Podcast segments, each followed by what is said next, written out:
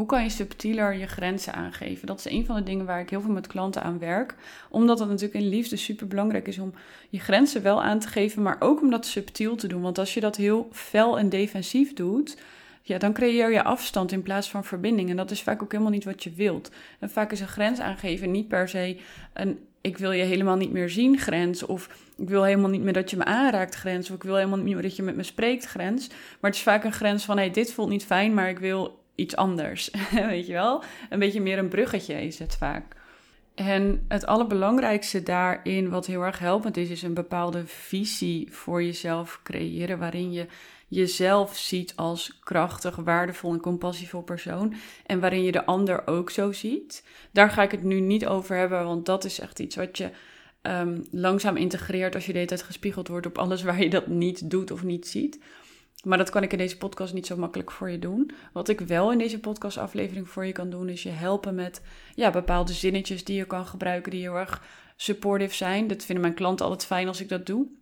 En dan komen ze naar me toe met uh, bijvoorbeeld berichtjes die ze hebben gekregen of met een gesprek wat ze hebben gehad. En dan help ik ze met dingen anders formuleren vanuit mijn visie, wat ik net zei, hè, die compassievolle en tegelijk iemand sterk zien. En ook de visie van polarity, omdat je natuurlijk tegen een man uh, anders spreekt dan tegen een van je vriendinnen. En ik ga hier uit van dat je tegen een man spreekt. Dus ik ga gewoon situaties pakken waar je bijvoorbeeld je grenzen aan wil geven. En dan ga ik je wat voorbeelden geven, zodat je wat, ja, denk ik, inspiratie krijgt. Want als we het hebben over een vrouw die haar waarde goed kent, dan kan zij ook heel subtiel haar grenzen aangeven. Een vrouw die weet wat ze waard is en die dus ook sterk kan communiceren vanuit feminine energy, die kan heel subtiel aangeven wat ze wel en niet wil. En die belichaamt haar grenzen ook zo erg dat ze dus niet zoveel uh, defensieve taal nodig heeft. Ze heeft niet zoveel hardheid nodig. En als je dat kan, dat helpt je natuurlijk ook heel erg met het verbinden. Want als je defensief bent, verbreek je gelijk de verbinding. En als je heel subtiel je grens kan delen, dan blijf je meer in verbinding. Stel bijvoorbeeld dat je een hele leuke date met iemand hebt. Je hebt een super fijne connectie met elkaar. En er komt zo'n moment dat hij jou wil zoenen en jij wil dat eigenlijk nog niet. Je voelt dat nog niet. Maar als je niet de juiste taal daarvoor hebt, dan kan je heel snel het gevoel ja, als ik het niet doe, dan voelt hij zich misschien afgewezen. Dan wil hij geen tweede date meer. Denkt hij dat ik hem niet leuk vind? Oké, dan doe ik het maar. Of ja, je doet het niet, maar dan komt het heel erg defensief over. En dan krijg je dus inderdaad dat hij dan denkt van, nou ja, ze vindt me niet leuk meer, dus laten we dan maar niet nog een keer daten. En dan wordt dat niet meer opengebroken. En als je op een date bent en je kan tegen hem zeggen: Ik vind je echt super leuk. Ik heb een hele fijne date gehad en ik wil je graag nog een keer zien. Alleen voor mij voelt het fijner om hem af te sluiten met een knuffel bijvoorbeeld. En dan geef je heel duidelijk aan waar je je wel fijn bij voelt. Of deze, die is misschien nog wel intenser. Als je bijvoorbeeld iemand aan het daten bent een tijdje en er komt zo'n punt waar je nou, de situatie creëert waar je makkelijk seks zou kunnen hebben. Je bent bijvoorbeeld, je zit bij elkaar op de bank en je bent aan het zoenen en ineens dan komt er een moment. Maar eigenlijk wil je het misschien nog helemaal niet echt. Maar je kan niet zo goed verklaren waarom niet. Als je dan het heel fijn met iemand hebt en je voelt van ja, ik wil het nog niet echt, dan kan iemand tegen je zeggen: ja, maar weet je waarom dan niet? Want we hebben het toch leuk samen en dan kan iemand vanuit zijn onzekerheden dingen tegen je gaan zeggen. En jij gaat er dan op aan en denkt: ja, weet je, een gedeelte van me wil het ook wel. Mijn deel van lust of mijn deel van pleasen, die wil het wel. En dat zijn delen die ook wel lekker voelen. Nou, laten we het dan maar gewoon gaan doen. En dan ga je disconnecten van je eigen intuïtie en je gevoelens. En dat betekent dus ook dat je niet maximale gevoelens kan ervaren in de seks, in de verbinding. En als het zo doorgaat, als je blijft overroelen, en die kans is er ook dan meer, dan ben je op een gegeven moment compleet disconnected van jezelf. En dan zit je van, ja, ik voel het allemaal niet meer zo, ik weet het niet, uh, ik twijfel. En als je in dit soort momenten heel erg vanuit jezelf kan spreken, bijvoorbeeld, joh, ik vind je heel erg aantrekkelijk, ik heb het wel heel fijn met je, maar ik wil graag pas seks met je hebben als ik echt een full body yes voel. En op dit moment wil een deel van mij het echt wel, maar een deel wil het ook nog niet. En dat voel ik nog niet. En ik wil het pas als ik dat wel voel. Dus ik vind het fijn als jij bijvoorbeeld mij het initiatief geeft hiertoe. Of je zegt, ik vind het wel fijn dat je deze toenadering bij me zoekt. En ik word er ook heel erg blij van, want ik vind het fijn om te weten dat je naar me verlangt. Tegelijk is het voor mij belangrijk dat ik bepaal wanneer we dit gaan doen. Als je dat soort taal kan gebruiken, dan maak je heel erg helder. Joh, ik vind je wel leuk. Ik vind het ook fijn dat je toenadering zoekt. Want dat is ook een ding. Dat mensen dan vaak denken: ja, als ik nu geen seks heb, ja, dan gaat hij ook niet meer toenadering zoeken. Maar dat wil ik wel. Want je wil wel weten dat een man je wil en naar je verlangt. En dat hebben wij ook nodig om te openen. Maar je bent tegelijk heel trouw aan wat je lichaam wil en nog niet wil. En dat kan je niet altijd verklaren. Het kan gewoon zijn dat je een bepaald deel van je lijf nog wat meer vertrouwen nodig heeft. Of dat een bepaald deel van je lijf gewoon echt nog niet open is, omdat je te veel over je grenzen bent gegaan. En dan heb je wat langer nodig om dat echt te openen. Als je dan eenmaal tegen je lijf zegt: Nou, nu gaan we alle space nemen om eerst open te gaan voordat er iets gaat gebeuren. Ja, dan kan het zijn dat je lijf denkt: Nou, helemaal goed, dan gaan we dat eventjes heel lang uitstellen. En dan gaan we je beheersing op de proef stellen, als het ware. En er is ook nog zoiets als feminine testing, wat misschien wel zijn beheersing op de proef wil stellen. Wat ook een heel mooi gegeven is. En het is daarbij wel weer belangrijk om je gevoelens goed te herkennen.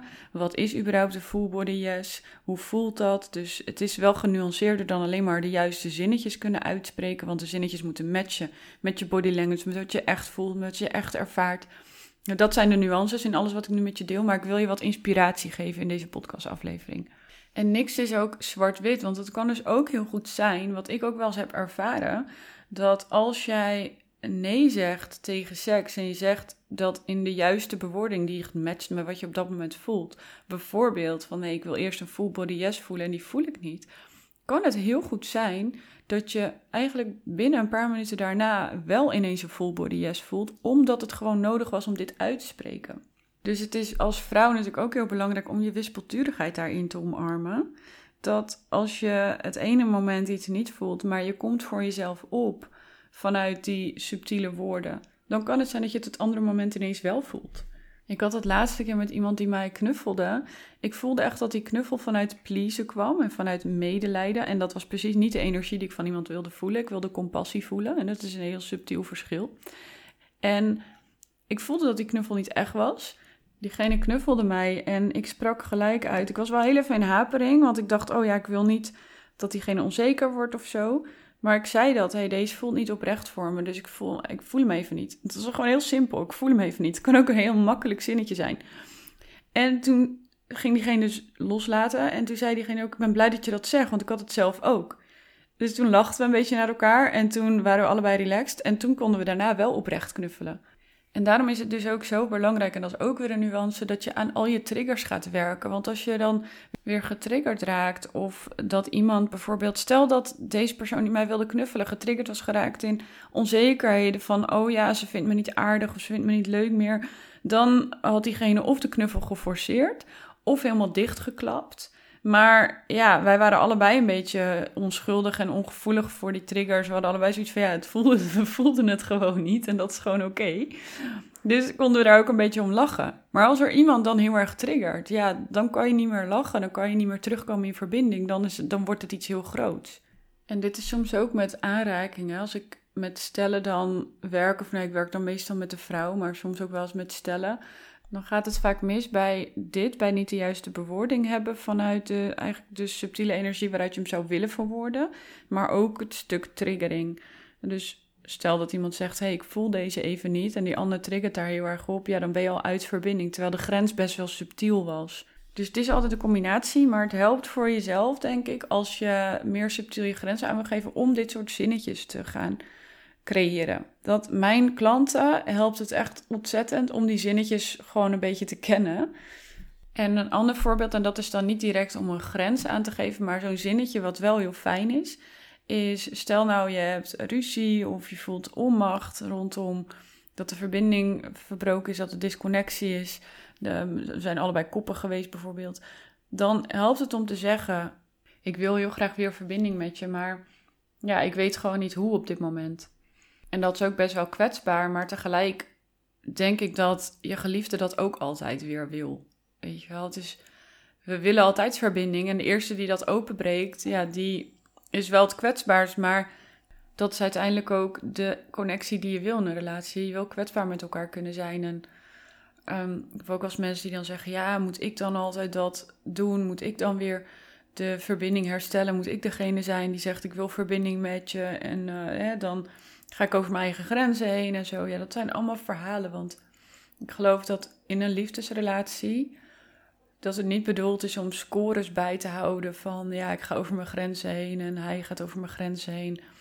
Uiteindelijk wil je allebei verbinding met elkaar en wil je een weg vinden in hoe dat het beste gaat. Maar goed, deze podcastaflevering was bedoeld om wat inspiratie te geven, wat zinnetjes te geven waar je uh, wat subtieler je grenzen mee kon aangeven of nu ook dus je behoeftes mee kan aangeven van verbinden. En ik hoop dat je er iets aan hebt gehad. Deze was wat praktischer dan heel veel van mijn andere afleveringen. Ik werk ook heel veel praktisch met mijn klanten, maar ik vind het om, in mijn podcast ook soms fijn om je gewoon een andere visie te geven. Want dat is eigenlijk waar ik je naartoe wil helpen voordat je überhaupt met me gaat werken. Maar ik denk dat het ook wel leuk is als je mijn podcast luistert om af en toe wat praktische dingen te kunnen toepassen. Dus laat het me vooral weten als je meer van deze praktische podcastafleveringen wilt. Of dat je zegt van nou, ik vind die visie veranderen ook wel heel fijn. Uh, geef me feedback, vind ik leuk. En ik zie je graag weer bij een volgende aflevering terug.